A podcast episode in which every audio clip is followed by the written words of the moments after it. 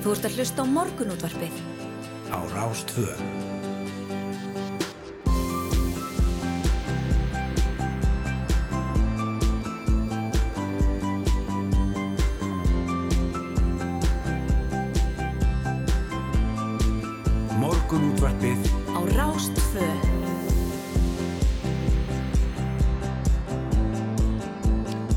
Bjöðum góðan dag hér í morgunúttarpun á Rástvö. Það er þriðu dagur í Dembilvöku, 12. apríl og hér setja Snæra Sundradóttir og Hulda Gerstóttir og ætlum að vera með ykkur til ykkur nýju. Já, við erum að hitta upp fyrir páskafríð. Það er ekkert að morða það þannig. Við Eh. ætlum reyndar báðar að, að vera aðeins í loftinu hér um páskana. Þannig að, að, þið sleppið ekki alveg fyrir okkur. Nei, nei, einmitt, það er á rétt. En ástæða til þess að benda fólki reyndar á ímislegt áhugavert sem er í páskadaskarinu hjá okkur og förum kannski betur yfir það á morgun. En uh, í dag ætlum við að gera ímislegt áhugavert. Við ætlum að fá til okkar Guðmund Jóhansson, okkar tækni uh, sérfræðing. Hann kemur hér uh, upp úr hálf nýju og segir okkur eitthvað fróðlegt úr heimi tækninar. Einmitt, svo er það ný íslensk mynd. Já, hann Helgi Felixson, leikstjóri myndarinnar út úr myrkrinu, kemur til okkar eftir áttafréttinnar. Þessi mynd miðlar reynslu aðstandenda sem mist hefur ástvinn sem tekið hefur eigið líf og þar segir hvernig þeir hafa komist út úr myrkri og þöggun en myndinni er einmitt ætlað að hvetja til opinar umræðu um efni sem að hinga til hefur verið umlökið dölúð og þögn. Einmitt. Svo er það rétt fyrir átta þá ætlum við að fjalla um það að stjórnundur borgarhaldsskóla stóðu árið 2017 frammi fyrir miklum kostnaði vegna veikinda starfsfólks. Ákveði var að ráðast í allsærir heilsu átaka sem áhersla var lögð á innkörfa íhugun og jákvæða sálfræði sem skilaði sér í 37 miljón krónar lækkun á kostnaði vegna veikinda á milli ára. Og nú vil skólamestari Borgarholtskóla Ársæll Guðmundsson innlega þessa hugmyndafræði hjá nemyndum skólans og vonar að með því megi stórbæta líðan ungmennina og þar með bæta námsárangur. Já, við verum greinilega á jákvæðum nótum í dag því að við höfum líka öll heyrt af heilsubætandi áhrifum útivistar og reyfingar og fjallgöngur hafa notið mikill af einsalda undanfærin ár. Og Ingaberg Gísladóttir hefur tekið heilsubætandi fjallaverkefni skrefinu lengra og hún býður upp á göngur þar sem að jákvæðri sálfræði er bætt við uppskriftina. Já, Og hún ætlar að kíkja til okkar uh, um hálf átta og segja okkur meira af því hvernig þetta fyrir allt fram. já, við höfum greiðlega mjög ákvært Já, ekki það er vantar á algjörlega. En svona á öllu alvarlegri nótunum þá var því síðustu viku banaslis vegna snjóflós í Svarfaðardal þar sem að þrýr vanir fjallamenn lendu í flóðinu. Sveitistjórn Dalvíkur fundaði málið í gær og rætti möguleikan á frekari snjóflóða vörnum og við ætlum að heyra í bæjarstýrunni Katrinu Sigurðansdóttur vegna málsins hér í upphafið áttar. Já, ringjum ég hana svona kortir yfir sjö eða svo. Emitt. Það eru hins vegar uh, blöðin uh, næst uh, sem við ætlum að kíkja á og þau eru hérna. Það að dreifa þeim hérna, viltu fá því? Já, ég var það, til er- það er eiginlega eins hérna, þeim báðum. Já, Þetta gerist stundum, það er eitthvað svona eitthvað áhugavert í gangi og, og það er sem sagt mynd hér á forsýðum okkars og fréttablasins frá heraðingunni í kvalfyrðinum og um, þetta er, er þetta ekki svo kallega svifnökkvi sem er á myndinni? jú, ég, sko, ég er ekkert sérstaklega vel að mér í svona hernaðar Nei, tólum, og ekki við Íslendingar bara yfir höfuð, þetta er nú kannski ekki eitthvað sem við, ég held alveg örgulega að þetta sé svifnökkvi og það segir hérna í, í textanum í mókanum þyrlur, svifnökkvar og brindrekar voru meðal þeirra tækja sem komu við sögu á lendingaræfingu bandarískra landganguliða Einmitt. sem fór fram á miðsandi í kvalfyrði í gær. Þetta er alltaf alveg stór furðulegt tæki, þetta er risastór gúmutura, Já, með svona viftum viftur Eh, aftur á sér, já, sem að halda þeim uppi ofan á vatninu. emitt, þetta er rétt. Hér á forsýðu fréttablasins er talað um að breykun Suðurlandsvegar sé í uppnámi eftir Sigur Valdórskólans í kærunmáli. Kópóksbær fór ekki að lögum við útgáfu framkvæmdaleifis vegna breykkunar Suðurlandsvegar en leifið hefur verið fellt úr gildi og framkvæmdir stöðvaðar. Það eru margvíslegir, ágallar á útgáfu Kópavóksbæjar og framkvæmdaleifi vegna breykkunar vegarins við Löðbergsbrekku samkvæmt úrskurunnemnd umhverfis og auðlundamála. Framkvæmdu við verkið voru stöðvaðar síðastlegin föstudag og um, segir Solveig Gísldóttur hjá vegagerðinni. Þannig að hérna, já, það var sérst valdórskólinn í Lækjabotni sem að kerði þessa framkvæmd Já. og hafði ekki trú á því að áformum nýjan vega skólanum uh, ég bara hafði ekki trú á þessum áformum að þetta væri, hérna, væri gott mál.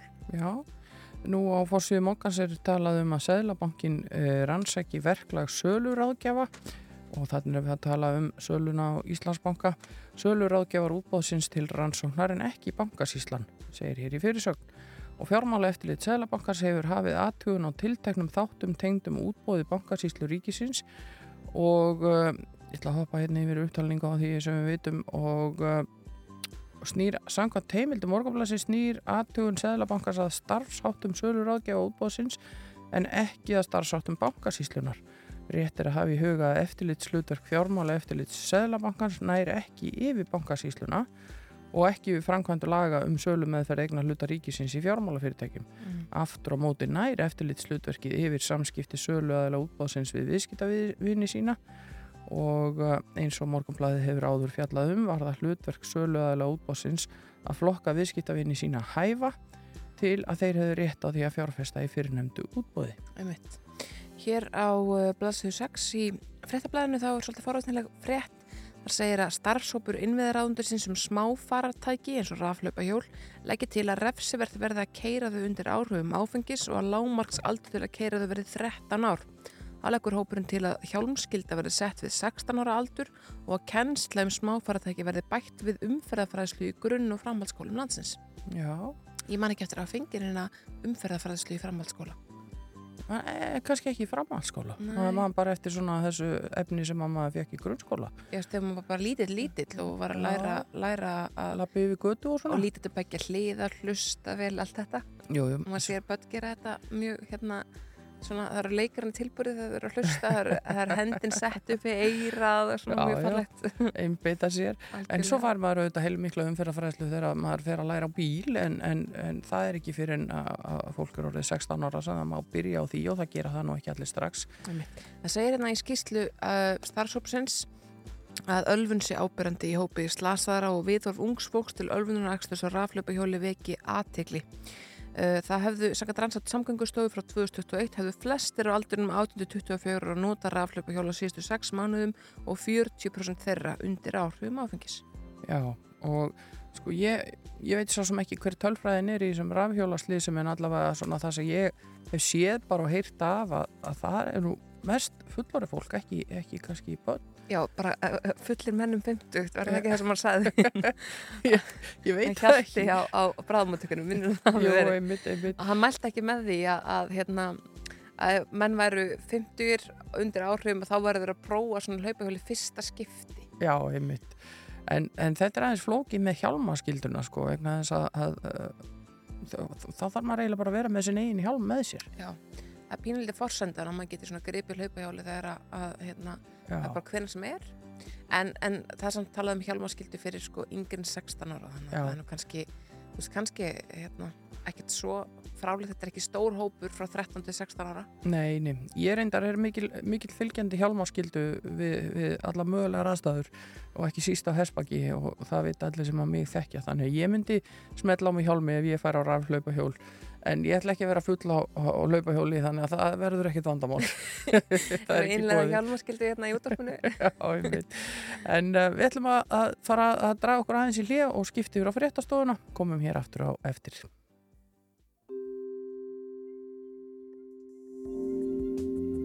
Mestaranáum í nýsköpun og viðskiptathróun sagt um fyrir 15. apríl Háskóli Íslands. Páskatilbóð Páskatilbóð og hörku plánka harparketti veð frá 1690 krónum fermetrin Birgisson, Birgisson Ármúla. Kondu með í golf úrvalútsín.is Glæpasaga Natriumklórið eftir Jussi Adler Olsen er sögluhesta bókin Forlægið. Við erum til staðar fyrir þá sem greinast með krabbamenn og aðstendendur þeirra krabbamennsfélagið krabb.is Nú eru fermingar í fullum gangi. Hér eru hugmyndir sem gagnast og gleðja. Í Svefn og heilsu færðu heilsurum á fermingartilbóði. Svefn og heilsa listhúsinu, Akureyri og svefnogheilsa.is Shades flugustangir, Sims vöðlur, allt í fermingapakka veiðimannsins. Veiðihornið síðumúla. Alltaf 30.000 krónar afsláttur af leikjaskjáum og leikjaturnum fyrir fermingabarnið hjá Tölvutek. Gefðu góða gjöf sem gleður. Það þarf ekki að negla niður tíma í dekkaskiptin. Þú rullar bara til okkar. Solning Rendu við. Þú ert að hlusta á morgunútvarpið. Á Rástvö.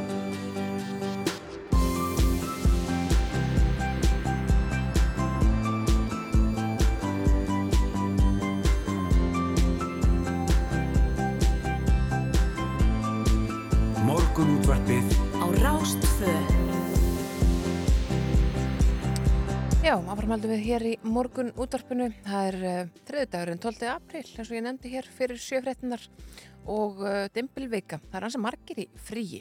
Já, það er eh, freistandi að bæta við þessum, þessum dögum sem koma fyrir páskafríið og svona lengja eins í því sem er bara jákvægt fyrir þau sem að það geta og, og vonandi sem flestir sem að ná að, að taka sér svolítið frí um páskana og, og, og gera eitthvað úr því. Já, sko, svo er það raun og veru þetta er nánast tvær vikur því að sumardaginu fyrsti, hann ber upp á 50 dagi næstu viku Mm. þannig að hérna, það eru þrýr vinnudagar þá en ég held að ansi mörg grunnskólaböld og jafnvel leikskólaböld séu með starfsdag á þriðudag eftir páska. Ah, þannig að hérna, þetta er svona já, Hegist úr þessu. það tegist ansi mikil úr þessu Já, já, já, fyrir, fyrir uh, þá sem þurfa að dekka, dekka svoleiðis daga, Já. ég man, man hvernig það var. En um, skulum kíkja eins á veðrið og uh, veðurspána því að það er nú það sem við spáum kannski einna mest í þegar við eigum vona á því að komast í frí og uh, það segir hér í hugleðingu veðurfræðings í dag það er austlæg átt all kvöss eða kvöss og dálítil rigning eða slitta síðst en annars mun hægari og smá jél eistra en annars bjart með köplum. Það er fremur hlýtt á sunnanverðulandinu en í kringum frostmark norðan til. Væta með köplum á sunnanverðulandinu á morgun en annars þurrt og hlínar heldur og söðaustan strekkingur og rigning með köplum á miðugudag en þurrt norðaustan til og fremur hlýtt í veðri. Og það er sem sagt í dag austan og norðaustan 5-13 metrar á sekundu og 13 til 18 siðst en hægari vindur um landið austanvert.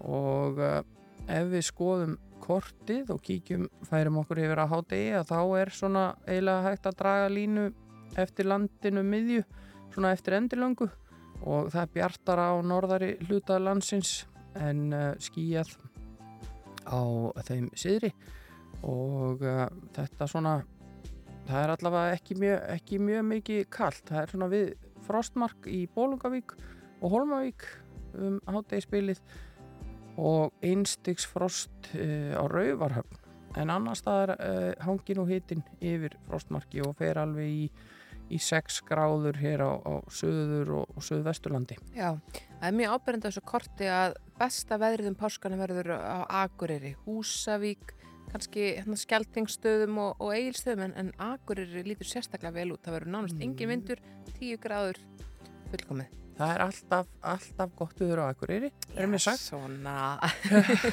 en, en virkilega gaman ef að það verður því að það eru margir sem fara þangað í páskafríinu og, og njóta þess sem að, að Norðurland hefur upp á að bjóða þetta setja fara á skýði í 10 stegi hitan, er hann eitthvað? Ég veit. ekki spyrja mig spyr- maður. nei, ég Það veit er ekki kannski eitthvað sem við ættum að kynna okkur Tjekkum á því að morgun. Já. Allavegna, uh, hér á ve- vegagerðarinnar kemur fram að þessi vetrafærð víða og aðalega á vestfjörðum og austurlandi. Á suðvesturlandi hafa hólur myndast í veginum og uh, vegfærandur eru varað við mjög slæmu ástandi í Dalabygð og Reykjála sveit. Það er unnið að viðgerðum. Á, borgarfjör, á borgarfjörðabrautinni er vegurinn ójöfnum fyrir viðgerðir vegna ræsaskemda milli Árdals og Skeljabrekku. D- Vegurinn um Dindsheiði er lokaður en það verður aðtúað með mokstur þar klukkan 10. Á Norðurlandi er hálka á Þverjarfjalli og í Híðinsfyrði en hálku blettir á Öxndalsheiði. Á öðru leiti er greiðfært. Á Norðausturlandi er greiðfært að mestu kringum Húsavík og við Mývatn en annars verður hálka eða hálku blettir nokkuð víða. Og á Austurlandi, eins og áður segir, vetrarfærð, snjóþekja og skafreiningur á fjardarheiði, hálku og hálku blettir á öðrum leiðum og reyndir á ferð við álverið í reyðafyrði og Mhm. víðar. Þannig að, að hérna, já, það er, það er greiðfært að mestu á Suðausturlandinu, eitthvað um hálkubletti í kringum höfn þar og Suðurlandinu krapi á Reynisfjalli þetta, er svona, helsta á, á, á, á vegum úti fyrir þau Já. sem eru að leggja stað í dag í, í páskafrið. Já og bara um að gera að kíkja á ferðarkorti hjá vegagerðinni ef þið eruð eitthvað á ferðinni á þessum tíma árs þar eru miklar upplýsingar að, að finna en uh, við ætlum að, uh, vinda okkur í fyrsta lag dagsins áður en lengri er haldið og það er hún Elín Hall sem að ætlar að syngja fyrir okkur uh, fyrsta lagið og það heitir Kondu tilbaka.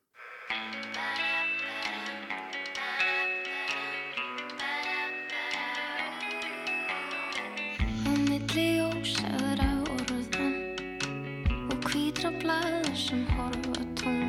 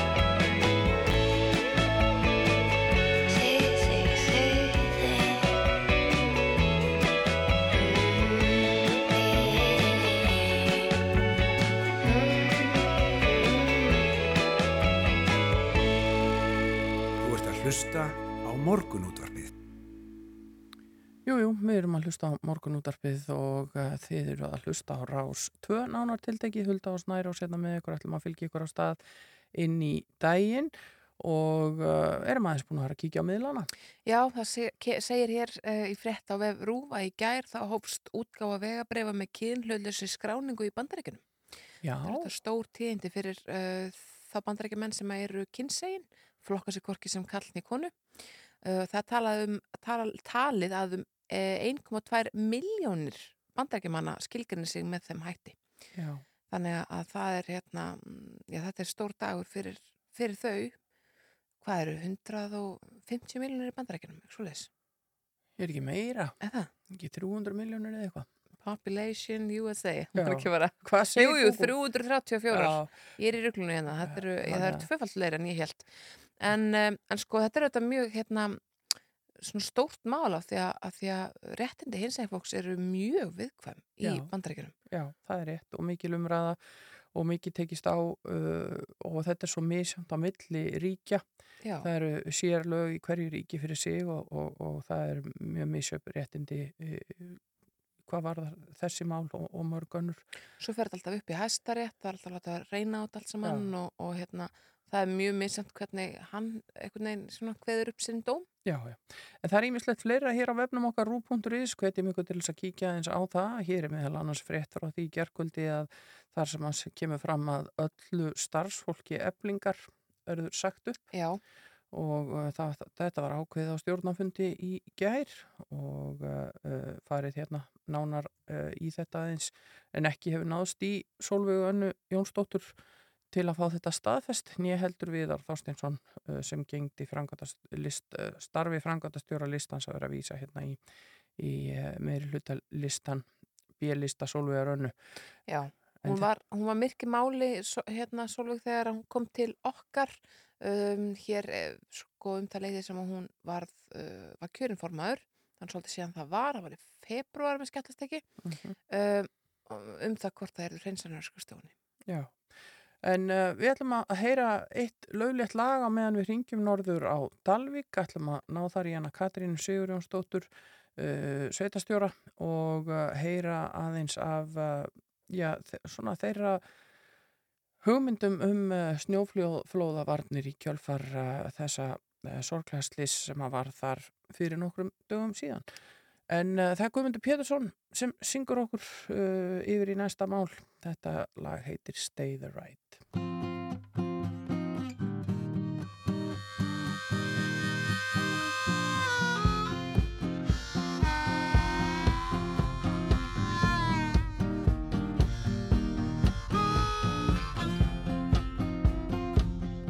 You fell right back on your back, slide through the door.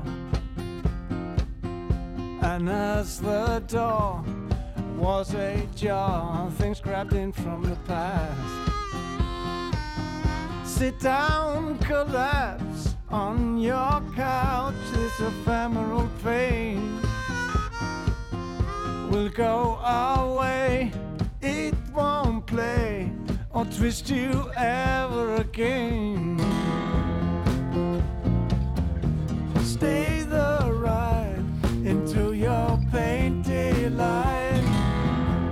joy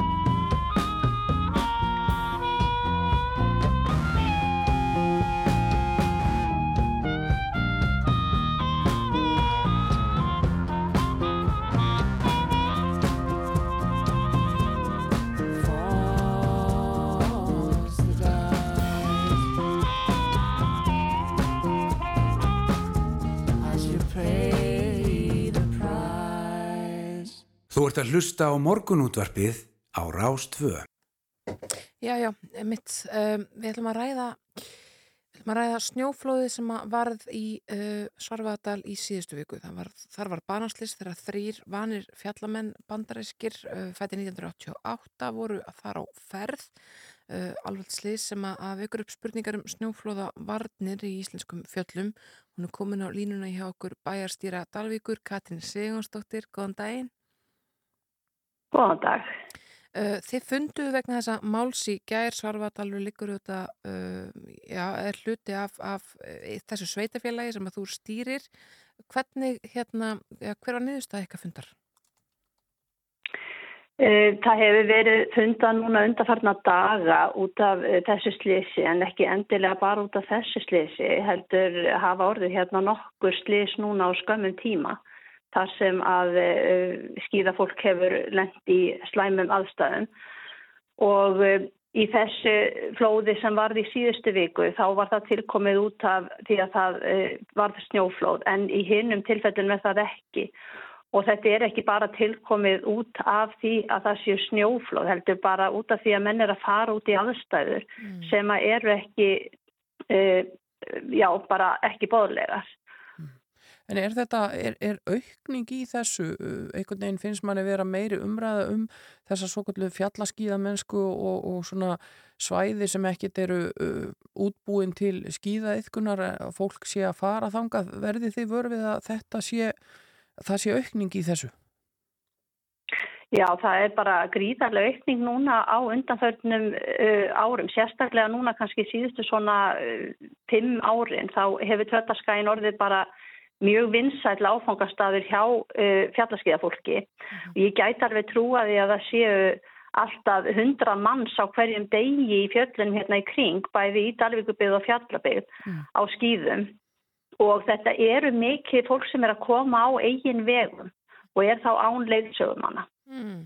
Og eru þau þá svona utan svona skipulað skíðasvæðis eða hvað?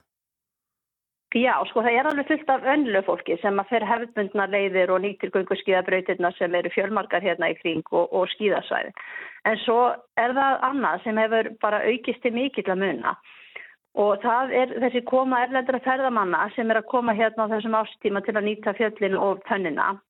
Og það er oft svona jáðar íþróta fólk eða, eða verulega áhættisætnir einstaklingar sem eru að leita á nýja slóðir í, í brattari brekkur og einhverja staði sem enginn hefur farið á áruð, áður. Mm -hmm og ofta leita í einhverjar áskoranir sem hægt er að segja frá þegar þú kemur tilbaka eða þá eins og bara illa þeirra þú getur því miður ekki sagt frá.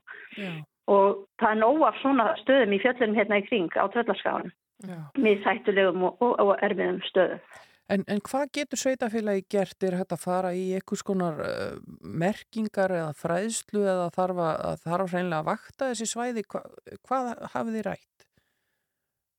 Nei, það er nú sko held ég það sem að þarf bara mest að gera. Það er að upplýsa fólk þegar það, að, þegar það kemur og það er mjög mikilvægt einmitt að þeir sem eru í ferðarþjónustu hérna á svæðinu að þeir upplýsi þá sem er að gista hjá þeim og, og, og eða koma við um bara stöðumála, um veður og færð og hveti svona hérna fólk til að láta vita af sér og sínum ferðum Mm -hmm. Svo erum við náttúrulega með þessi frábæri fyrirtæki sem gera út á bara akkurat aðleiðsega fólki um hérna, uh, brekkur og, og fjöll og auðvitað væri æskilegt ef, ef að fólk myndi nýta sér uh, teila þjónustum betur, frekar heldur en að vera að fara svona á eigin vegum í einhverju aðstæður sem að, e, já, eru bara mjög hættulegar. Mm.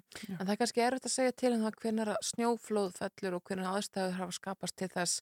Hafið þið rætt eitthvað sko þau mála að geta miðla upplýsingum betur til fólk sem er á svæðinu eða, eða sko greipi til einhverja sko, öryggis aðgerða þannig að hérna, já, það sé að að minnst fylgst það öryggis gætt þegar að fólk mætir á eigin vegum og er að sinna á svona háfjallamennsku. Við erum með mjög góða slíka vöktun hjá hérna, almannavörnum og aðgera stjórn almannavarna og það, það hefur verið hérna, alltaf varað við ef að það er þannig hægt á snjóflóðu. En það er náttúrulega svona kannski skapastundum aðstæði þar sem að þú ert að fara uh, já, akkurat í einhverja uh, króka eða, eða gil eða eitthvað þar sem að, að hinn almenna snjóflóða hægt er kannski ekki endilega til staða. Mm, mm, einmitt. En hvernig hefur uh, veturinn verið hjá okkur fyrst við erum nú með þið á línunni? Þegar, síðast þegar við vorum sem oftast að heyri þér þá var snarvillust veður alltaf. Hvernig komið þið talvikingar undan vetri núna? Sko það er búið að vera bara ótrúlega snjóli eftir vetur í sjálfisir en það er samt nógur snjór í fjöllunum alltaf hérna en uh, bara í heilt hefur veturinn verið frekar léttur. Vi, við komum bara mjög vel undan vetri, það er eins og er alveg hægt að viðurkenna það að það er búið að vera gífurlega mikið álag á björgunarsveitafólkinu okkar Já. og þetta er rosalegt hérna, álag að lenda í því með viku millibili eða nokkura daga millibili að hérna, vera kallaður út í svona rosalega erfið útkvöld, það sem er svona erfið aðkoma og mikið slasaðir einstaklingar Já. og það er sérstaklega erfitt að þurfa að býða einmitt eftir að þyrlan komi á vettvang og, og við höfum rætt það hérna að það skiptir rosalega miklu máli að þyrla landhelskískessluna sé staðsett einhverstaðar hérna í nákvæminu. Mögulega kannski á syklu fyrir því eftir að, að hérna, varskipi Freyja var skilgrind þar með heimahöfn og verið svona ebla þar bjargir. Mm. Nú eða þá á við sjúkrahúsi á Akureyri þar sem að er þá stutt í alla svona hérna, allar frekari bjargir. Já. Og okkur finnst þetta að vera rosalega mikilvægt að, að það verði skoðað í framhaldinu núna. Já, og, og það væri þá kannski draumurinn að væri að það væri ein, ein þyrlastaðsett fyrir norðan og, og svo önnur fyrir sunnan. Já, það, það, er, það væri náttúrulega bara óska, það er ekki einlega bara óskastað heldur, er það algjörlega nöðisnilega. Sérstaklega þessum ástíma frá februar og fram í júni þar sem að það er alltaf fulli hérna í fjöllunum hérna í kring. Já. Takk fyrir að vera á línunni hjá okkur Katrín Sigurðansdóttir sveitastjóri á Dalvík og, og gangi ykkur sem allra best með þetta allt saman. Takk fyrir það. Bless, bless.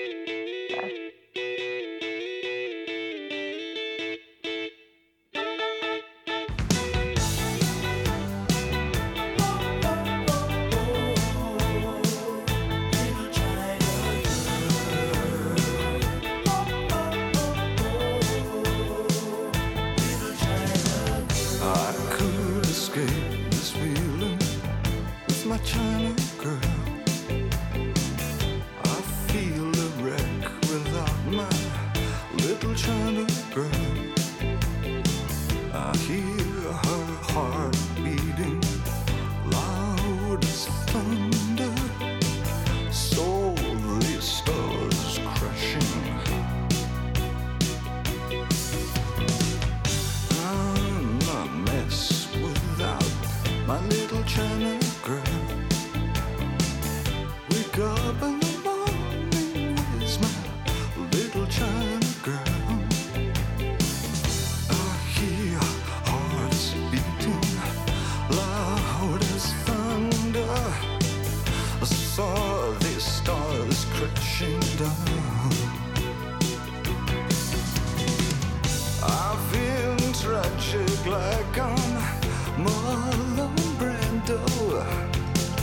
When I look at my China girl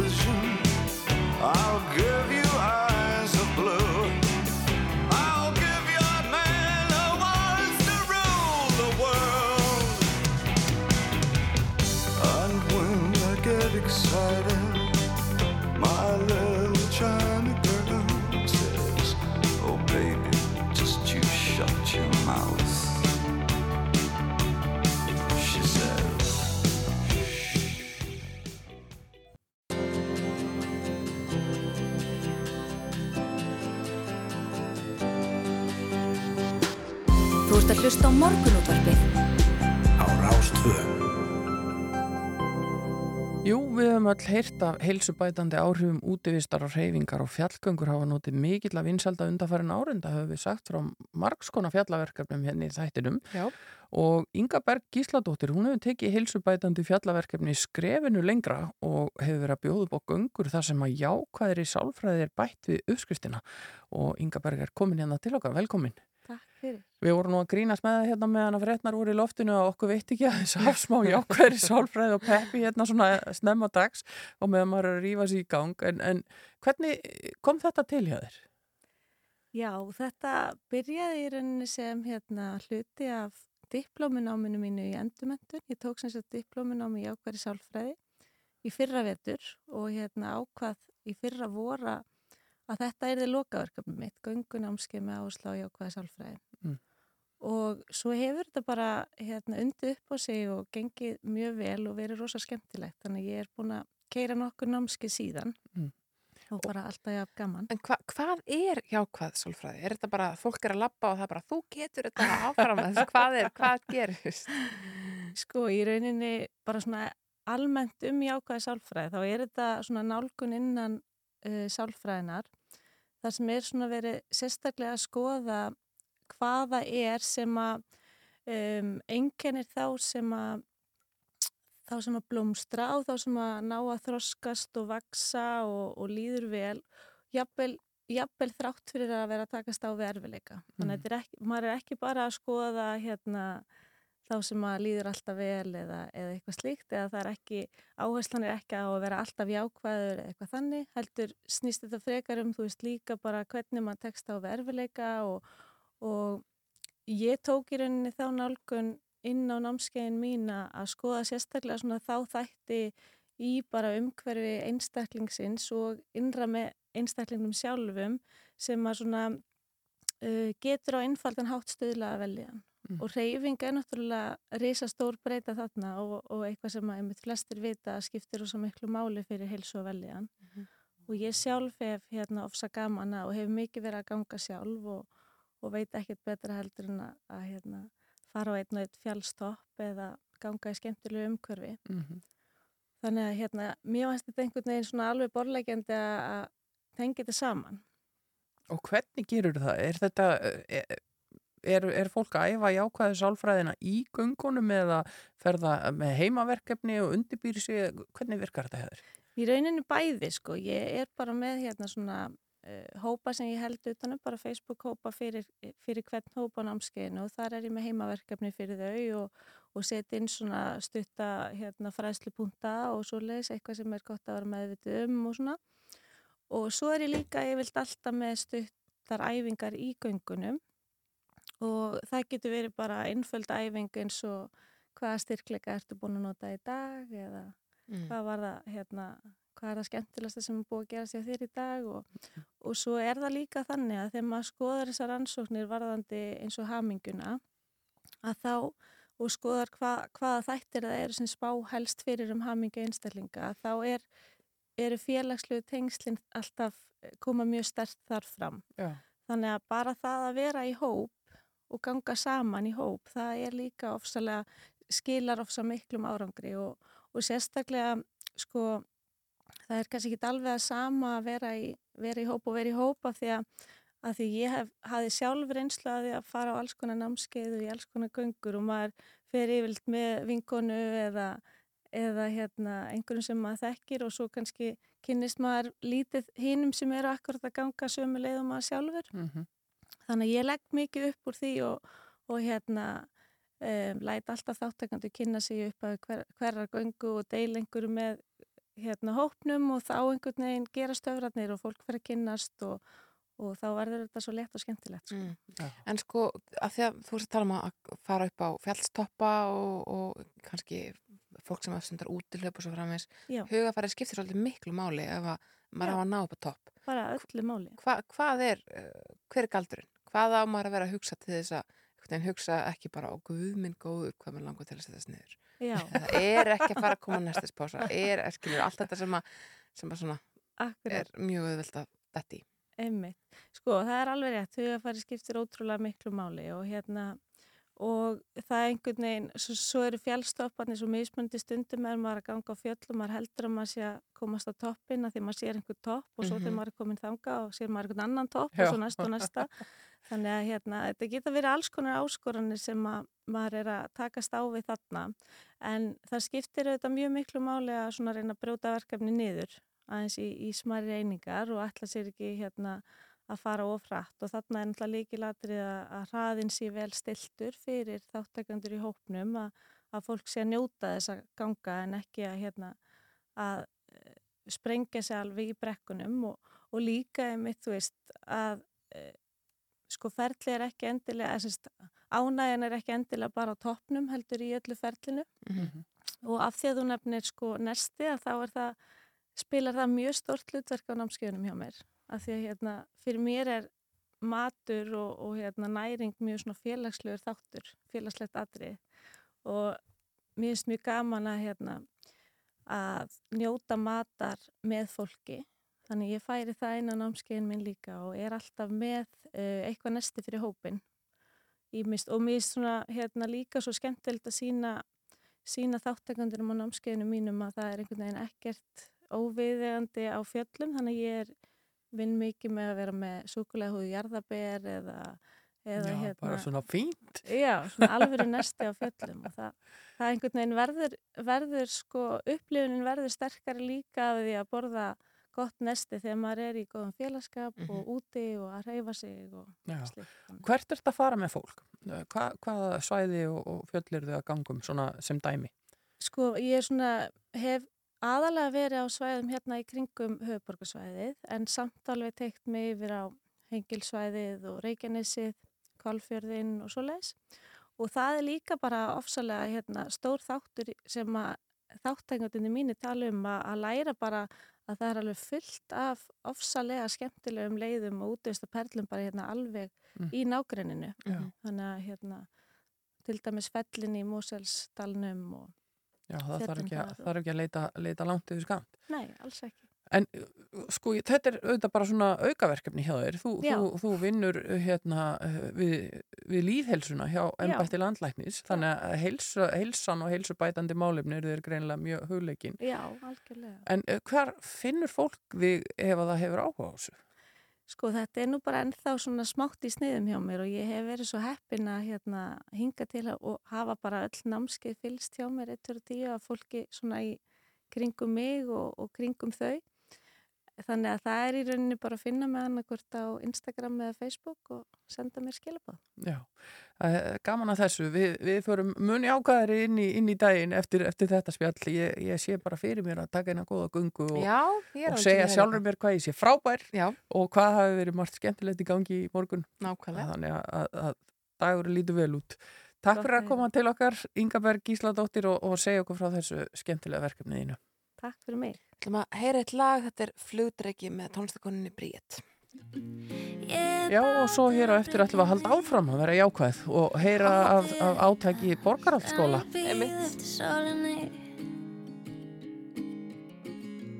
Aldan hekkurinn í hliðin á mér Hugurinn reykar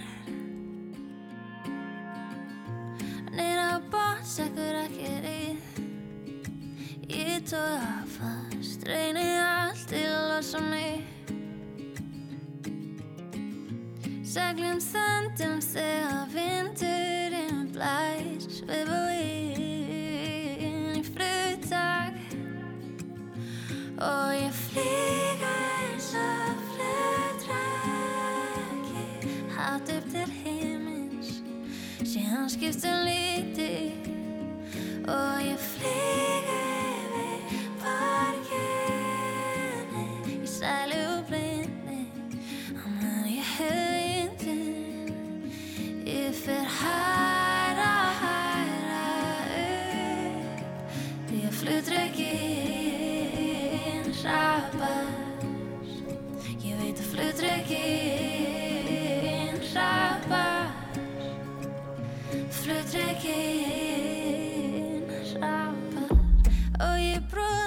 okkur sinnum Leita til þín Þú vilt dregan í loftinu Hvar er neistinn sem þú hafðir í gær? Hvar er ljósið fallið Væn brotinn en ég brosa með. Það tekur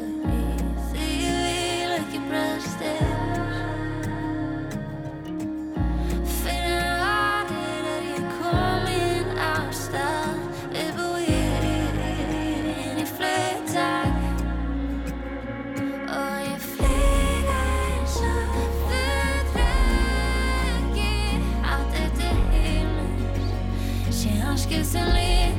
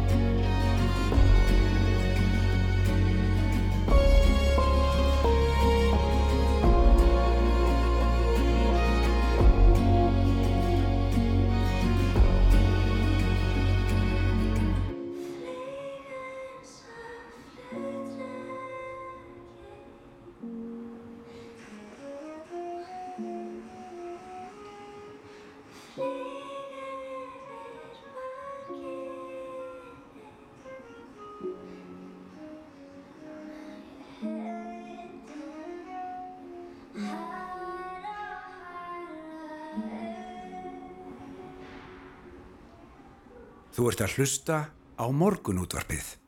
Á Rás 2. Já, áfram að þessum jákvæða sálfræði og innkverfa íhugun. Stjórnendur borgarhaldsskóla stóðu árið 2017 fram með fyrir miklum kostnaði vegna veikinda starfsfólks og þá var ákveðið að ráðast í allseirar heilsu átak þar sem áherslu hafi lögð á innkverfa íhugun og jákvæða sálfræði og það skilaði sér í, já, líklega 37 miljón konar lækkun af kostnaði vegna veikinda á milli ára Nú vil skólamestari borgarhaldsskóla Ásvald Guðmundsson innlega þessa hugmyndafræði hjá nefndum skólans og vonar að með því megi stór bæta líðan ungmennana. Hann er komin á línuna hjá okkur. Góðan daginn Ásvald. Já, góðan daginn, komið sér að byrja. Þetta hljó, hljómar eins og ykkur gerfuvísindi en, en, en er það líklega ekki? Um hvað snýst þetta? Yngverf íhugun og, og jákvæð sálfræði í skólastarfinu? Nei, þetta er, þetta er engi gerfuvísindi og, og, og, og þetta er alveg túsundir ára gamalt. Það er að segja að að hver og einn manneskja hugsi svolítið vel um sjálfan sig. Mm. En uh, það, sem að, það sem við fórum að gera í borgálskóla 2017-18, uh, það var að, að fara yfir þessar stöðu sem var uh, stemdi, eða var komin í óöfni. Það er að segja ekki bara mikil kostnaður vegna veikinda heldur veikindi sjálf sem er náttúrulega vest að ef starfsfólki lífur ekki vel mm -hmm. og þá skoðum við allar mögulegar aðferðir og fórum út í ímislegt til að, að bæta vinnuanda og starfsanda og, og, og, og e, gera vel við starffólk og með starffólki og eitt af því sem við ákvæmum að pröfa var að fara í hugleislu mm. og við skoðum hvaða hugleislu og fyrir valinu var einhver výhug og við nýju stjórnendur skólans ákvæmum að, að læra einhverju í hugun, fórum á námskeið hjá Íslenska íhunafélaginu og, og stundum íhunakappi í nokkra mánuði mm. og uh, niðurst okkar svo að þetta væri alveg frábært uh, og ég vil kalla verkfæri til að vinna með okkur sjálf og í framaldinu og í samröðu bara vel starfsfólk, við hættum þetta mikið að, að þá var ákveðið að, að bjóðu öllu starfsfólki að fara á námskeið í einhver íhug mm -hmm. sem það vildi og, og það þáðu það mjög margir og og við byrjum að, að innlega einhverju hún og stunda að búa til aðstöðu sem kvöldur ró mm. fyrir starfsfólk að, að, að stunda hugleislu nú einhverju íhugunin eða hugleislan og svo voru líka með núvitundin þetta taka fram að núvitund var einni stundum með nefndum en svona stuttum máli að þá gerist það að þessi kostnaður fer úr 52 miljónum á ári niður í niður í 16 miljónir Já. og svo árið eftir uh, í 17 miljón, eh, 17 miljón. Þannig að, að sko það er ekki bara íhugunin sem gerir þetta, heldur öll umræðan starfsfólks uh, á vinnustæðanum og þetta átaka að, að leiða hugan að bættri hilsu, aukinni veliðan og, og bara hamingi okkar allra. Já. Og þannig að þetta er, þetta er, þetta blanda af mjög mörgum þáttum. Það er einnig mjög mikilvægt að, að hafa í huga og er mikilvægt öllu vinnustöðum að, að, að ef að stjórnendur eru 100% í verkefninu gefa sér alveg inn í það og það alvöru þá er miklu meiri líkur á allir komi með. Og, og, og það gerðist eh, hjá okkur við erum náttúrulega með 150 það er, eh, 150 mann sem að starfa í borgólskóla Já. en uh, allavega þá kom þetta okkur svolítið óvart þessar tölur en við höfum eitthvað vísið til að sannandi nákvæmlega hvað það var sem að, sem að gerði þennan viðsnúning hjá okkur. Mm.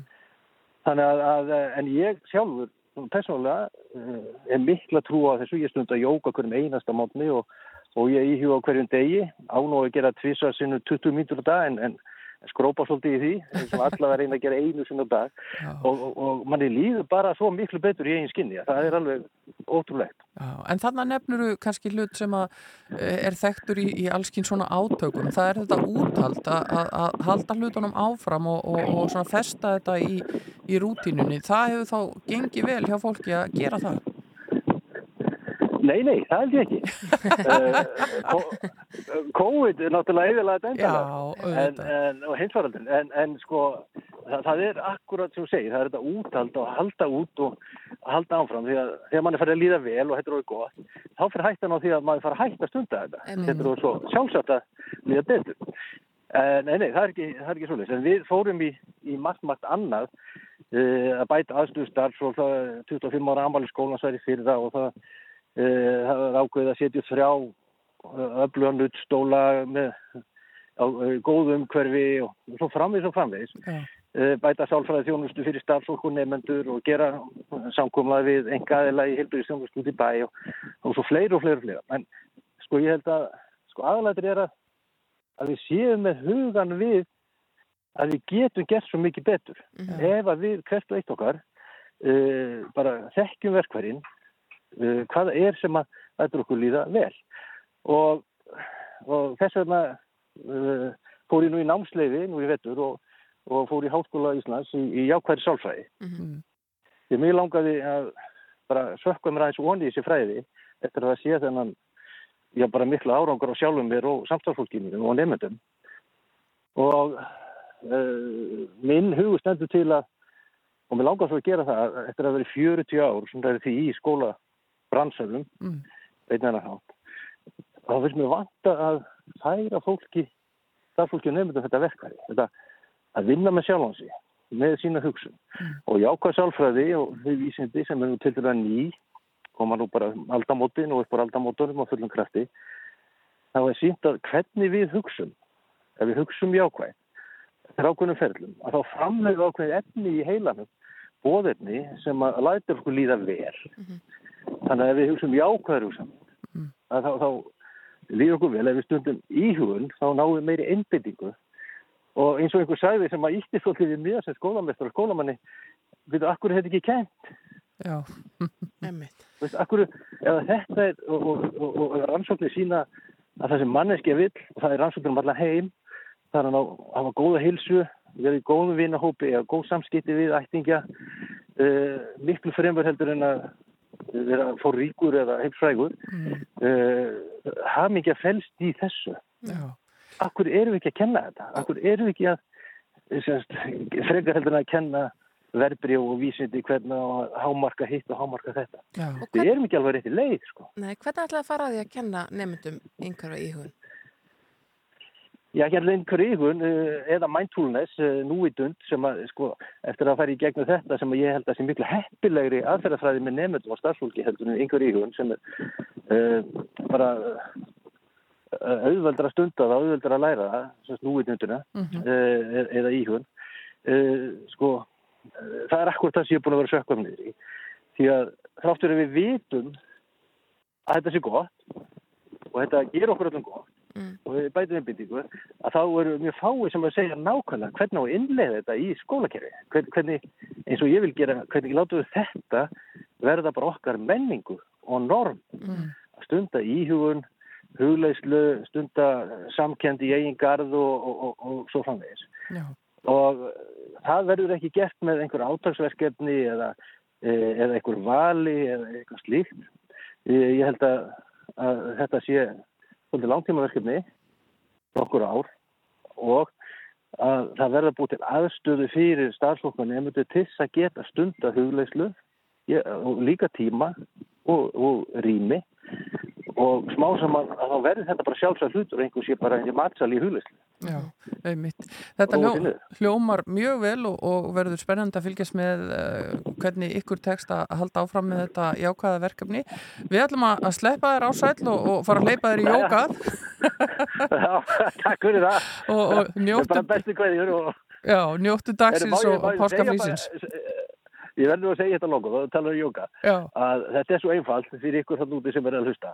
Uh, ef þið farið bara á YouTube og skrifið yoga in the morning, þá fáið upp alveg svakalega flottar jókaæfingar fyrir þegar maður er svakalega styrður á móndana. Tíu mínútur, ekki meira, gerir alveg kraftaverk. Við erum að fara í þetta. Við erum að fara í þetta.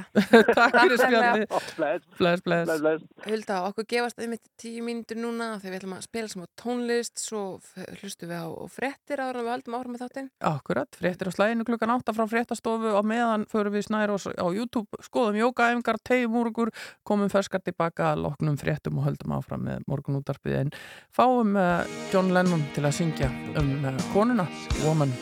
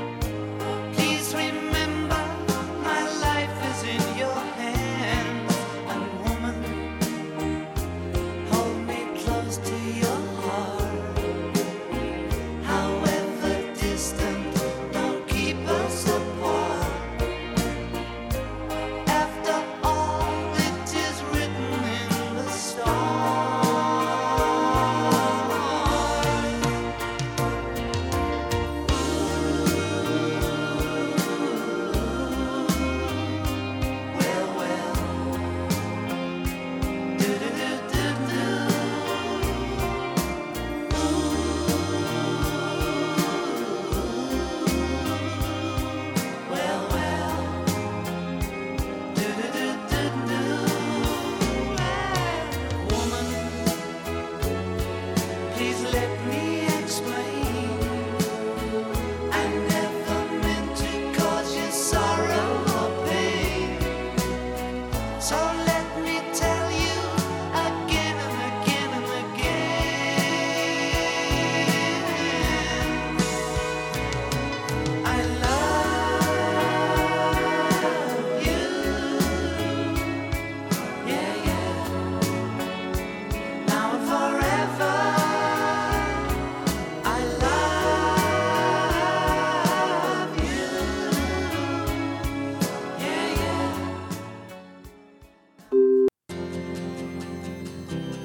Hlusta á morgunútvarpið. Á Rástvö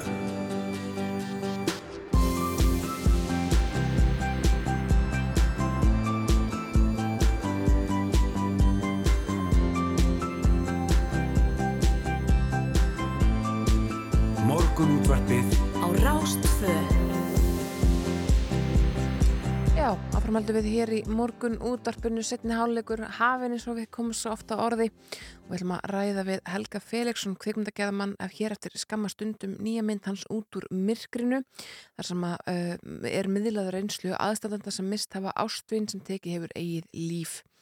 Uh, en við ætlum að heyra líka svolítið skemmtilega tónlist í þættinum í dag og svo ætlum við aðeins að tala við Guðmund Jóhansson um tækni og vísindi. Já, við fáum hann hérna í tæknihotnið upp úr klukkan hálf nýju en heyrum hér næst í Portugal, ekki landinu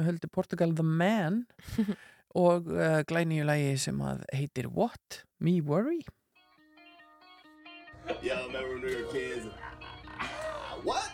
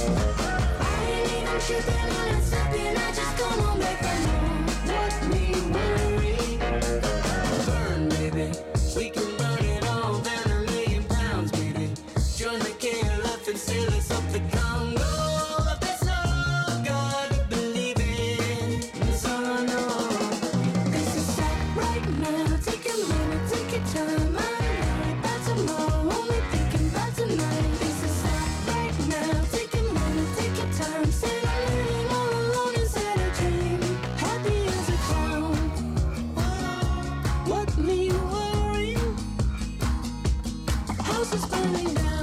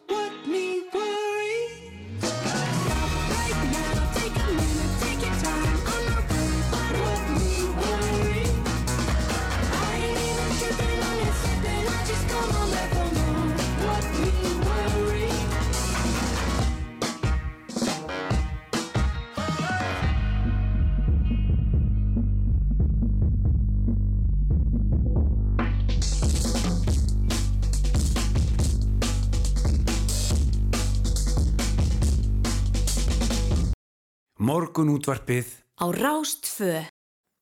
Já, framhöldu við hér í morgun útarpinu og uh, við höfum fengið uh, góðan gest til okkar, hann Helgi Felixson, hann er leikstjóri myndarinnar út úr myrkrinu sem er væntanlega í síningu í næstu viku og uh, þetta er myndum alvarlegt málefni en málefni sem snertir mjög marga. Þetta er mynd sem að miðla reynslu aðstandenda sem mist hafa ástvinn sem tekið hafa eigið líf og þar segir hvernig viðkomandi hefur komist út úr myrkri og þökkun og takmarkið er kannski einna helst að hvetja til opinar umræðum efni sem að hinga til hefur umlökið, dölúð og þögn. Velkomin Helgi. Takk fyrir. Uh, segðu okkur kannski fyrst frá því hvernig það kom til að, að, þú ákast að fjallum þetta málefni. Já, það var eiginlega að bara reynd tilvílun sko að ég fór út í þetta, þetta var aldrei ætlum mín að, að, að koma að þessu máli þó svo að ég hefði hugleitt þetta mál lengi og, og en, en það bara ég er að vinna með konunum minni Titti Jónsson sem að við höfum starfað saman í 20 ár og, og þetta er eitt af okkar viðfangsefnum. Og þetta var, gerðist í raun og veru einn morgun sko þegar þetta kom svona upp í fangið á okkur. Þegar að Titti var á leiðinni heim einn morgun og þar var ströndin fyrir framann húsi þar sem við búum bara full, fullt af fólki, björgunafólki og, og við vissum í raun og veru eða hún síst af öllu, ég var ekki, ekki á landinu þá hvað var um að vera og, og þá kom í ljósa það að þið manneskja lappaði þarna út og, og það var greinilega ekki fyrsta skipti sem það hefði gerst á þessum stað heldur. Og þá fórum við þá svona vöknuðu hugleðingar frekar svona í kringu þetta mál og við fórum að hugsa okkar gang sko hvað, hvað þetta væri mikilvægt verkefni og, og þá fórum við í framhaldi því að komast í, í kynni við við nágranna og, og fólk sem var bara í nálan við okkur og, og jafnvel í, í sama húsi og, og við byggum í þar Mm. sem að þessi hlutur voru að gerast Já. og þannig eh, fór, fór, fór máli bara að vaksa og við sáum hvað þetta var eh, risastort eh, vandamál í þjóðfélaginu Já. bara risa, risastort Já. vandamál og þar sem að þetta uh, átti sér stað bara í svo til hverja einustu fjölskyldu Já. og mm, Þið hófuð gerð myndarinnar árið 2017 og, og, og þið, Já. þið áætlið að bara frá því þið byrjuðuð að gera þessa mynd hafi á þriðja hundrað einstaklingar fallið fyrir eigin hendi á Íslandi. Já, það er vist látt regnað, sko, þá er ég bara notast stiðsti við tölur frá, frá landlæknis embættinu sem, sem eru skráðartölur og, og þá tala maður oft um tölur sem eru mun, mun fleiri sem, að, sem að ekki eru skráðar sem sjálfsvík. Já. En uh, það er þessi, já, ég veit ekki hvort við höfum að kalla það þöggun eða, eða ótti við umtal eða eh, skömm, það, er svo, það er svo margt sem að einhvern veginn eh, umlíkur þetta og, og, og við viljum breyta og brjótast út úr og það er kannski það sem þið eru að reyna að gera með þessari mynd. Það er meiningin að, að, að, að rjúfa þessa þöggun sem að hefur alltaf eða átt sér stað í, já, svo langt, langt aftur tíma sem að hefur náttúrulega mjög flóknar ástæður fyrir þessu og, og þar hefur, ég meina, kirkjan hefur e, átt stórt hlutverk í því líka. Ég meina, við þurfum ekki að fara langt tilbaka þegar að, þegar að þeir sem að e, tóku sitt líf að þeir fengu ekki viðan grafreit og, og, var, og það var meira segja refsivert Mm. Mhm. að taka í líf. En hverju komist þið að við gerð myndarinnar varðandi einmitt svona það sem að, að hérna, að nafnana gefur til kynna, út úr, að komast út úr myrkrinu? Hvernig, hverju komist þið að varðandi aðferð þessa fólks til þess að bara jafna sig á þessu mikla áfalli? Við hefum sko uh, fókuserað mikið á svona hvernig fólk hefur höndlað þetta, hvernig fólk hefur komist út úr þessu, hvernig fólk hefur komist út úr myrkrinu, reynlega eins og nafni gefur til kynna Mhm. og, og sem betur fyrir er það þannig að, að, að, að flestir svona allavega sjá ljósið eitthvað starf þó svo að, að þegar hlutirnir er að gerast að þá náttúrulega sé alveg svarta myrkur og alveg kólsvarta myrkur í, í langan tíma en síðan finnur fólk sér leiðir til þess að Mm. í flestum tilfellum segja, í flestum Já. að leiðir til þess að vinna úr sínum málum og þar koma inn samtök eins og píetasamtökin og, og sorgarmiðstöðin og, og, og svo neyðarlínur og annað Mhm. en það eru samt sem áður ábyrjandi sko hvað það er lítið af þannig eh, hlutum til og í raun og veru allt of lítið til Já. og, og fólk veit allar því að það er nefnilega þannig líka að, að þegar þú ert, ert í þessu ástandi í þessu myrkri að þá er það kannski ekki fyrsta sem þú gerir að þú farir að tala um það heldur. Nei. Ég meina ég get talað um e, sjálfsvík og, og, og, og, og það sem að fléttast inn í e, þetta. En það get ég auðveldlega gert á meðan ég er frískur og mér líður vel. Já. en þegar ég er í svarta myrkri sjálfur þá, þá er þetta ekkert auðveld Nei. því að það er alveg ljóst að, að, að þetta kallar á svo marga og, og má eiginlega segja hvernig einasta einstakling einhver, einhver tíman í lífinu. Þá held ég að þessi hugsun sé alltaf til staðar En er þetta mynd sem að getur hjálpað fólki, uh, opnað augu, uh, komið með góð ráð? Alg, algjörlega. Þetta er, þetta er náttúrulega ekki mynd sem að er hugsuð neitt sem hjálpar tæki þannig. Þetta er, þetta er ljóðræn mynd og hún vinnur út frá svona myndmáli og það er önnur hugsun í gangi en, en, en, en eh, aftur á móti hafa kunnuði menn eh, sem hafa séð myndina sem að vinna, vinna innan helsukerfisins, þeir líta svo á allavega að, að þetta sé sé eitthvað tæki sem að hægt geti hjálpað mikið til líka þegar að, þegar að allavega maður kynnist vel þeim sem eftir standa. Mm. Þetta sé bara að sko aðstandendur þeirra sem að hafa uh, fyrirfara sér eru hreinlega að miðla svona af sinni reynslu og hvernig það var að stíga að standa aftur á lappirnar og, og já, hvað aðferðum eh, var verið að beita? Já, já, einmitt, því að það er náttúrulega aðferðnar eru ýmsar en náttúrulega að verða svona hluti til að þetta, þetta breytir fólki mjög mikið og það fer svona, þetta er vendipunktur í lífinu í raun og veru Mm. því að, að lenda á, á þessum stað það er ólýsanlegt og síðan það sem við viljum líka líka uh, benda á sem að kannski ekki oft er talað um það er líka þessi jaðarhópur, þessi vinarhópur sem að, sem að ekki kemur allt oft inn í umræðina því að það er oft, oft á tíðum er það vinirnir sem að koma að Mhm. Já. og að koma að svona atbyrði það er stort mál Já, það lítur að breyta lífi fólks. Þessi mynd sem við erum að tala um Mm. og, og það er líka tekið til umfjöllunar í okkar okkar uh, umfjöllun, okkar mynd Já, hún kemur í, í, til síninga í bíó í næstu viku. Hvar verður hægt að sjá hana? Það er hægt að sjá hann í Bíóparadís og hún verður sagt eh, með ofinbera frumsýningu 20. apríl Já. Og hún verður þar áfram næstu vikur þar á eftir. Og þar verður hún aðgengileg til þess að byrja með. Já, þið hafi gert uh, fleiri myndir og, og meðal annars uh, Guðbless Ísland Já. sem er nú mynd sem að, að fjallar um, um uh, stórmál í, í samfélaginu okkar. Efnahagshrunið 2008. og, og uh, stundum finnst manni eh, glitta í að við sjöum að, að fara í sömu átt aftur, tala nú ekki um núna uh, þegar að þessi bankasala er sem mest í umræðinni uh, eru þið svona ertu samfélagsrýnir, eru þið að skoða svona mál sem að uh, þið viljið fjallum í kvikmyndum svona eitthvað sem að kemur innan úr samfélaginu Já og svona kemur innan úr sálu okkar meira og samfélaginu og hvernig þetta tvinnast saman í raun og veru.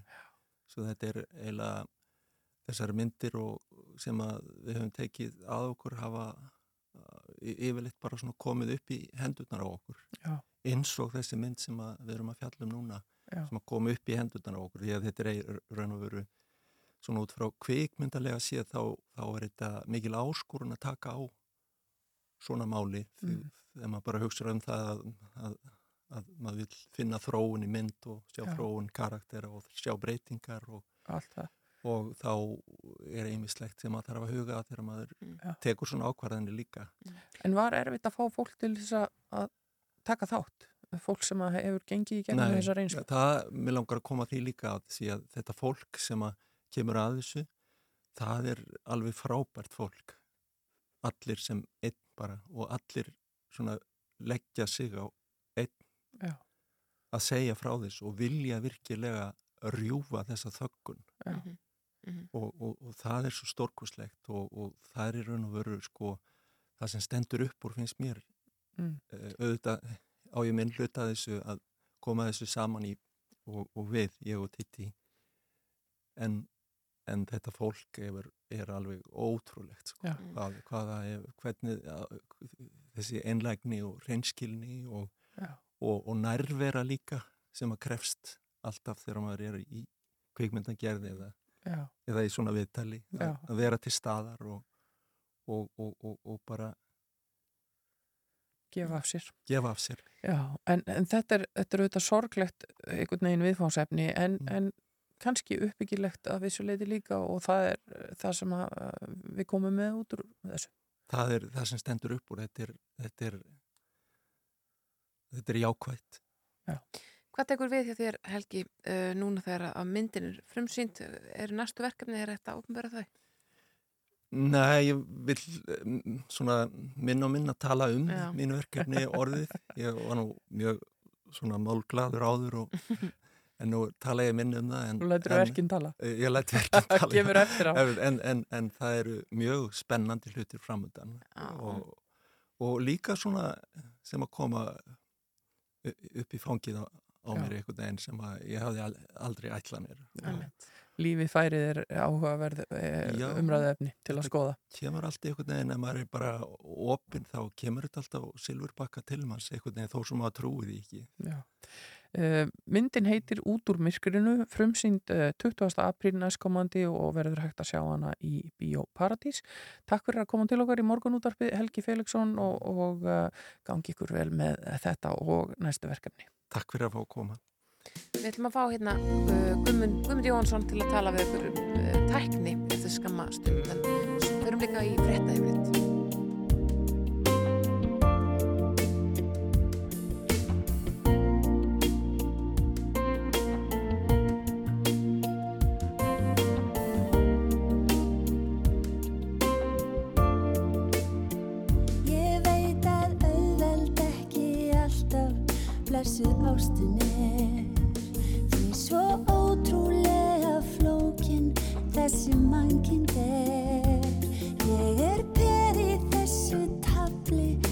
Eins og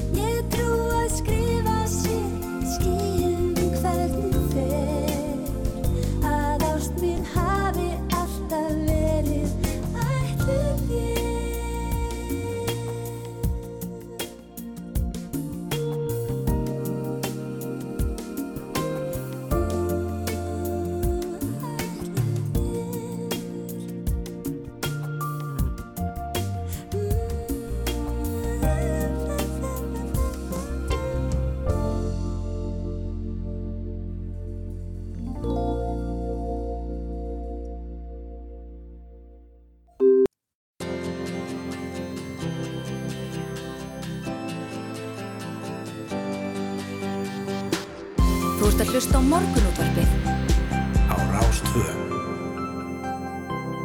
Jú, jú, við erum hér í morgun útarpinu, eigum tæpan hálftíma eftir og næsta mál á dagskrá er tæknihotnið en uh, Snæður og Þúr bara búin að vera að fara úr löngun til að heyra í Ed Sheeran. Já, sko, ég er engin rosalur Ed Sheeran aðdáandi, bara hann er fýtt, skilur, en ég svona set hann ekkert á fónin þegar að, hérna, þannig líkur á mér. En þetta lag, Shape of You, sem við ætlum að spila næst, það er bara búið að spólast í höfðina mér tvo sólurringa og eina leiðin til að ná lagi út úr sérst, af heilanum er að heyra það bara og reynsa. Detox. Þetta er nú fínasti smellur þannig að það er engin, engin nöðung að þurfa að gera það. Nei. Eh, heyrum í Ed Sheeran og, og læginu Shape of You.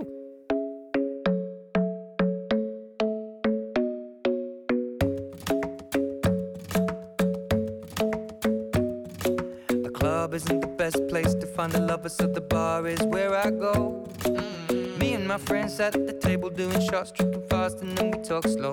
And you come over and start up a conversation with just me, and trust me, I'll give it a chance. Now take my hand, stop it, and the man on the jukebox, and then we start to dance. And now I'm singing like, girl, you know I want your love. Your love was handmade for somebody like me. Come on now, follow my lead. I may be crazy, don't mind me. Say, let's not talk too much. Grab on my waist and put that body on me. Come on now, follow my lead. Come, on now, follow my lead. mm I'm in love with the shape of you. We push and pull like a magnet do. Although my heart is falling too.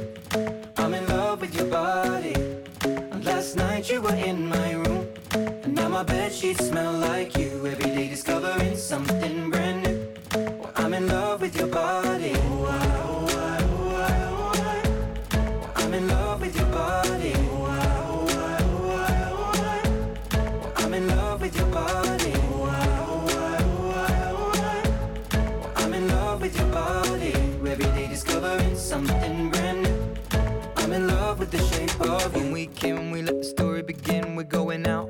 First date.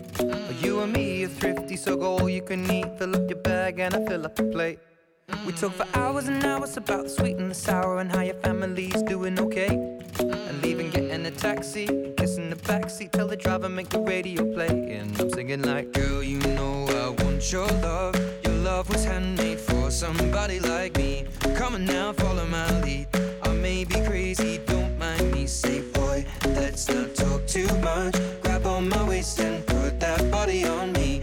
Come on now, follow my lead. Come, on now, follow my lead. mm I'm in love with the shape of you. We push and pull like a magnet do. Although my heart is falling too. I'm in love with your body. Last night you were in my room. And now my bed sheets smell like you.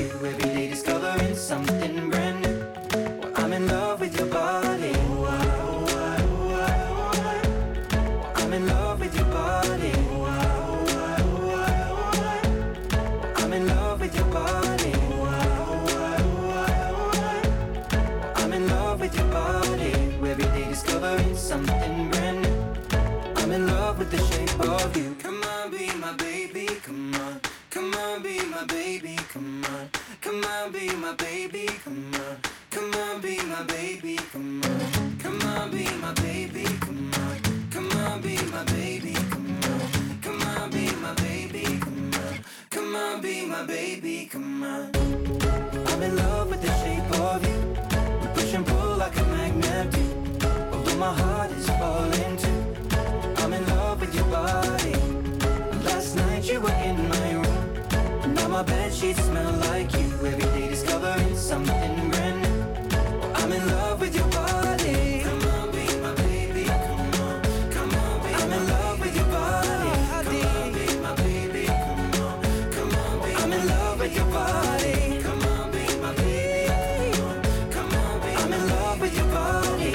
Every day discovering something brand new. I'm in love with the shape of you.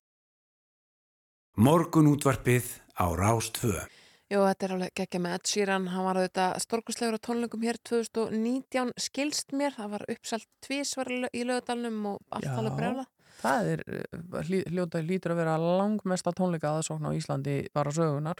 Já, það er ekki margi sem getur toppað það. Nei, dag.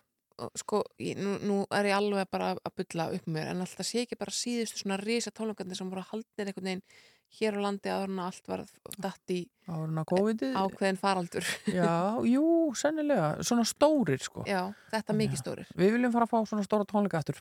Setja mitt í nefnd og, og, og fáum einhvern í það. Guðmundur Jóhansson, mættur, uh, tækni tröllið, við höfum ekki sést hér vikum saman. Þetta eru fagnaða fundir, gaman að sjá þið vinnur. Já, kannski að kveikja þið líka fyrst að ég er að fagna þér innan. Það er ímislegt að frétta úr heimi tækninar eins og alla daga. Það er alltaf einhvað, sveimið þá en ég held við til að byrja einhver staðar þá hérna við sem fylgjast með tækninni við hugsaum hlýlega til eins besta svona á Hæjuríkisum daginn þegar hann kvatt okkur og fór yfir í við. 74 ára aldrei eftir einmitt baráttu við veiruna skæðu Já.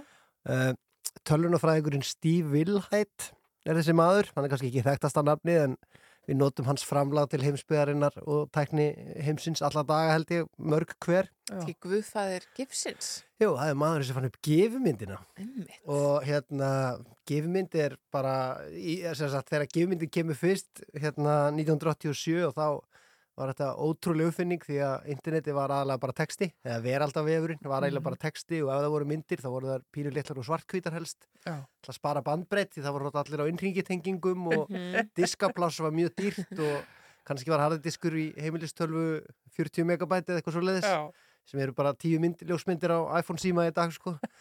svona ef maður setur þetta í eitthvað samhengi mjög hratt en hérna gefmynd er hérna kom þá og, og gætt sett, sett liti og af því hún stjappar sér betur en aðrar myndir sem voru notaðar þá og gætt sett liti á internetið okkar Mhm. eh, en svo kannski svona aðeins setna sprakk hún algjörlega út kannski að því hún gætt sínt raðað mörgum myndum saman og þannig búið til lítið myndskeið án hljóðs uh, og það náttúrulega voru engin myndbönd á internetinu á þessum tíma Nei. þannig að þetta var náttúrulega bara ekkert nema framtíðin þegar þetta var allt einu hægt að, að hérna, hérna glæða lífi í vefsíður. Bara sjá eitthvað reyfast að skjánum er bara ótrúlegt. Framtíðin er bara núna. Ég held að þetta að segja það. Uh, en ég held sko svo glemdist þessi teknik kannski smá en uh, þessi uppfinning hans en svo svona byrjaði hún að slá aftur í gegn bara sem samskiptamáti. Einmitt. og í dag náttúrulega notum við mörg hver gefmyndir til að tjá bara tilfinningar okkar og bara skemmt okkur og svara því sem við fáum senda á Messenger eða á Twitter eða hverju sem er Jú, jú. og ég held svona að notkun gefmyndarinnar hafi aukist mjög, ég held að það verið 2015 þegar Facebook sett inn að maður geti nota gefmyndir á miðlirum þeirra Mhm.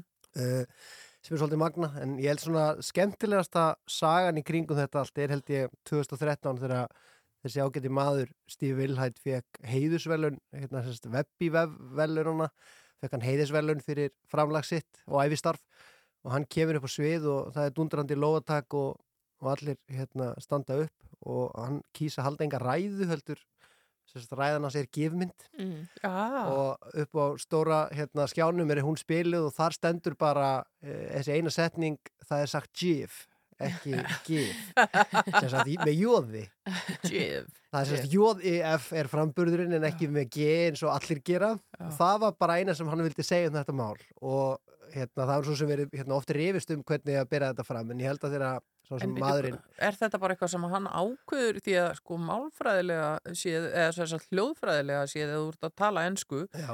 þá berðu G ekki fram með G-jóð hljóði eins og jóð Nei, Gif. Nei, alveg, Jesus er ekki skrifað með G sko. Þá tala um Jesus. Já, Jesus. Þannig að, að, að þetta, þetta er svolítið sérstætt að, að hann hafi hamrað á þessu. Já, pælingin er sérst, á sínu tíma vann hann hjá hérna, bandaríska hérna, netfyrirtækinu CompuServe þar sem hann vann þegar þetta var búið til og með minnir að pælingin sé að þessi skýrt í höfuð á uh, hvað heitir það? Jú, ég held að heitir bara líka GIF og hnetusmjör Já, en það er með jóði Já, og heitir GIF Já, en þarna segir það með jóði í Já. framburði af því annars myndir náttúrulega fá lögsókn að vera að nota nafnið þeirra Ég skil Hvernig á maður að vita Já, þetta? nákvæmlega, en ég held að þetta sé nú ekki flóknari það að vera að abba eftir hnetusmjöri Já, já, já, já. Rosa Það er gott þetta skrifað með. CH Shif Já. Já, en nú vitið þið það Já. En nú ætlaði ég að tala samt um annað og ég ætlaði aðeins að tala um sjálfgerandi bíla eins og ég geri svo sem alveg stundum Mhm. og mér státt við hæfi að því að þetta er hérna flagskip fjórðu umbyltingarinnar er oft sagt Jú, jú. eh, af hverju veit ég ekki en það er bara þannig og hérna það var mjög skemmtilegt myndband sem byrtist um helgina af hérna sjálfkerrandi bíl Cruise sem er sem sagt sjálfkerrandi þróunar fyrirtæki hérna General Motors. Og við höfum óttur að tala um hérna Google og dóttufélag þeirra, eða sýstufélag þeirra Waymo þegar við tölum um sjálfkerrandi bíla og svona hver staðan er á þessari tækni allri og hún er í stöður í þróun. En þess að Cruise er að gera það sama og er félagi eigu General Motors.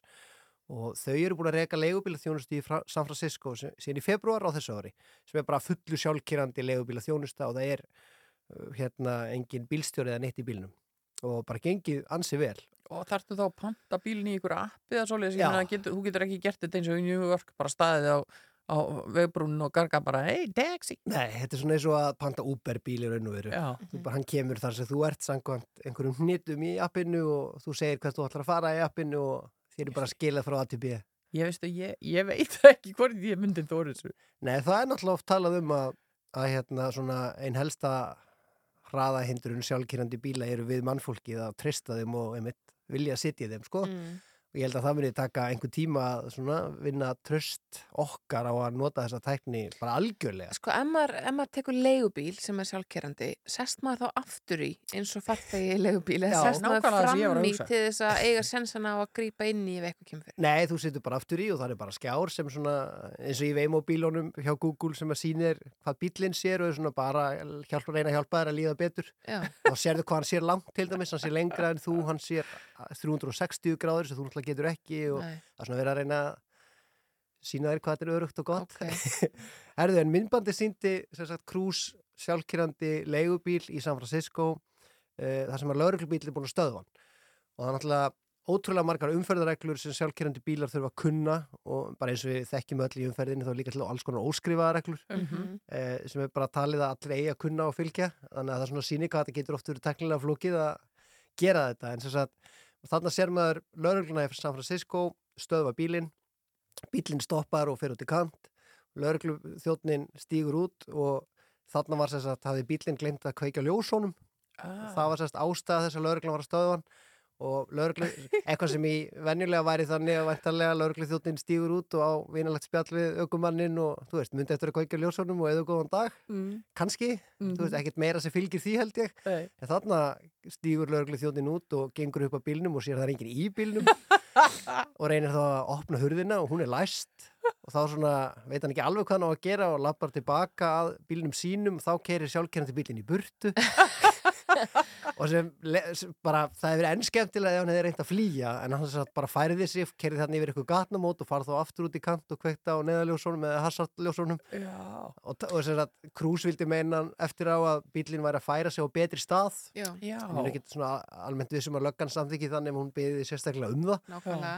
og þá sem sagt var lausnin í raun og veru eftir svona mikið fram og tilbaka og fleiri, fleiri lauruglu þjónar þetta komnir ég að reyna að finna út úr þessu hvað hva gerum við sko Heilvakt, mætt bara Já, akkurat, og þá var í raun lausnin bara að ringja í þjónustu númer Krús og ræða við þau og þau kvektu á ljósónum bara yfir netið Já. og málið leist sko Og gæinn held bara áfram, eða, já, draugurinn, engin, já, já, bílinn. Það er sem sagt innbyggt inn í bílinn sá möguleiki að ef það koma blá ljós og þú veist og löggan er að stoppa þig, þá stoppar bílinn. Já, og fer út í kann Hvernig veit hann að það verið að stoppa hann en ekki einhvern annan, skilur Það er nú bara einhver alveg bara eins og þegar við erum að kera þá erum við ekki alltaf viss Nei. á þetta við um mig eða bí, bílinn er að við allan bara fram hjá mér eða eitthvað svo leiðis Ég geti sagt eitthvað er verst af öllu í þessu. Þegar maður er að keira með músík og það finnst einhverjum geggja sniðut að vera með einhverja sírenu inn í lægin. Já. Og maður fer Já. alveg á taugum hérna bara hræðilegt. horfi í kringu sig, hvað er að koma sjúkrabíl? Já. Hætti þessu þarna músikantar. en ég, en ég hugsa nú að þegar sjálfkerrandi bílinn sér laurugluljós fyrir aftar sig þá náttúrulega fer hann sjálfkrafa held ég bara út í kant til að hleypa Einmitt. og svo þegar hann sér hann er fyrir aftar sig þá næra hann örgulega að leggja saman 2 og 2 þetta er við um hann Mhm. en það er náttúrulega, og það er magnað ég, svo sem er fólk hefur áhuga að skilja hvernig sjálfkerrandi bílar hugsa þá eru til mjög áhugaverð svona vídeo á YouTube til dæmis sem sína svolítið eins og bara hvernig sjálfkerrandi bílar Google eða Waymo virka og sína hvað þeir sjá og hvað þeir þurfa að hugsa þetta eru ótrúlega margar ákvarðanir eða margt sem þarf að að þeir þarf að sjá eins og ég segi lengra en við og þau, það er engin, engin blindur hérna blettur eins og er oft Mhm. talað um bílstjóra sem eitthvað sem við eh, sjáum ekki að það er eitthvað blindur blettur í speiklunum eða fyrir aftan eða eitthvað Mhm. sjá 360 gráður og það er mjög skemmtilegt að sjá þegar bílinn er í raun og að tólka í rauntíma allt sem hann sér og hann sér er náttúrulega að lesa öll umferðaskilti og hann er átt að segja á þeim öllum, hann er átt að segja á öllum bílum í kringum sig, hann er átt að segja á hjólreðamanni og hann þarf að vita ef hjólreðamannin gefur merki með hendina hann ætla að beigja til vinstri þá þarf bílinn að vera viðbúin því og hann þarf að lesa í, í hérna, línutnar á gödunum og það er bara, og þetta er sínt mjög svona skilmerkilega hérna, hvernig, hvað bílinn sér og hvernig hann tólkar það. Ég, já, og það er ótrúlega magnað að, að horfa á það en þú veist, svo eins og ég segi og við höfum kannski oft talað um, þú veist, það er alltaf verið að tala um sjálfkynandi bíla sem einhvers konar framtíð og það er ekki að gera hitt og þetta í, í hérna, umferðamannvirkjum að því að sjálfkynandi bílar munu leysa þetta alltaf hólmi veist, það hljómar rosalega fallega en það bara er ekki þannig Mm. það er lengra í, að fullu sjálfkynandi deili bíla, hagkerfi einhvað sem á að leysa alltaf hólmi það bara er lengra en maður heldur og eins og við höfum líka talað um að sjálfkynandi bílar eru blindir í slittu Mhm. sem hendar kannski ekkit afskaplega vel á eigu í Norður Allasafi því meður, allan eins og staðan er í dag og, og hérna svo er það eins og við höfum líka oft rætt allar þessar siðferðisluðu spurningar. Hérna ef ég er að í sjálfkynandi bílnum mínu með fjölskyldunum minni og það kemur einhver hlaupand út á veg á að, og bílinn þarf að ákveða á að fórna eiganda mínum eða á að fó- fórna þeim sem fór út á götu Einmitt. hver á að svara því Nei. ég veit það ekki Sko ég, ég sé bara eh, þúsund vandamál auðvitað en líka bara þetta að því að þú veist að nefna að maður að treysta þessum bíl.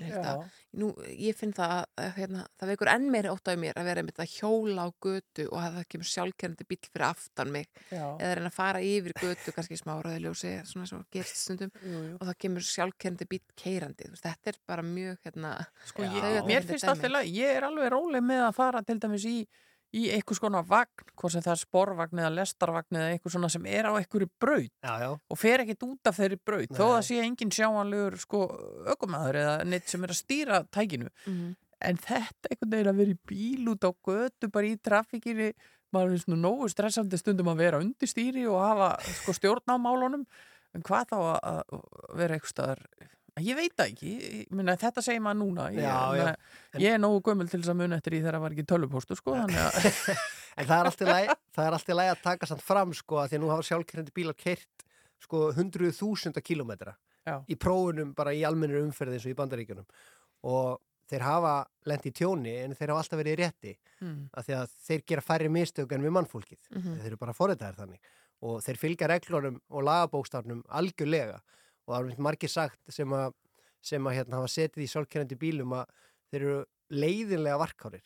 Og gott dæmi um það er að það bara svona, sem að ég man eftir er uh, þegar hérna, Veimo sjálfkerrandi bíl er að taka vinstri beigju uh, það er ekkert beigju ljós þannig að hann það bara býða þá tók það óra tíma því að sjálfkerrandi bíl tekur aldrei sjensin hann er aldrei að skjóta sér á milli við verðum löngu færin á milli. Þannig raun mætti segja að sjálfkerrandi bíl keiri eins og Jóhann Guðmundsson fæði minn.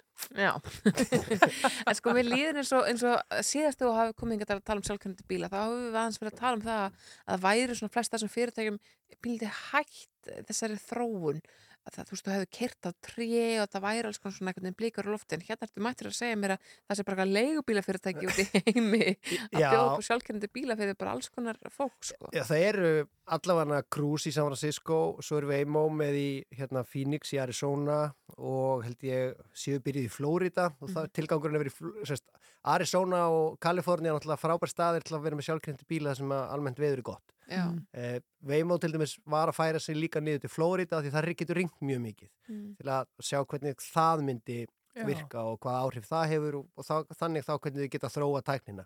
En svo hefur rosalega mikið verið talað um til dæmis hérna Uber og að þau sé að þróa sjálfkerrandi bíla. Já. Það var ekkert frest af því í svolítið tíma.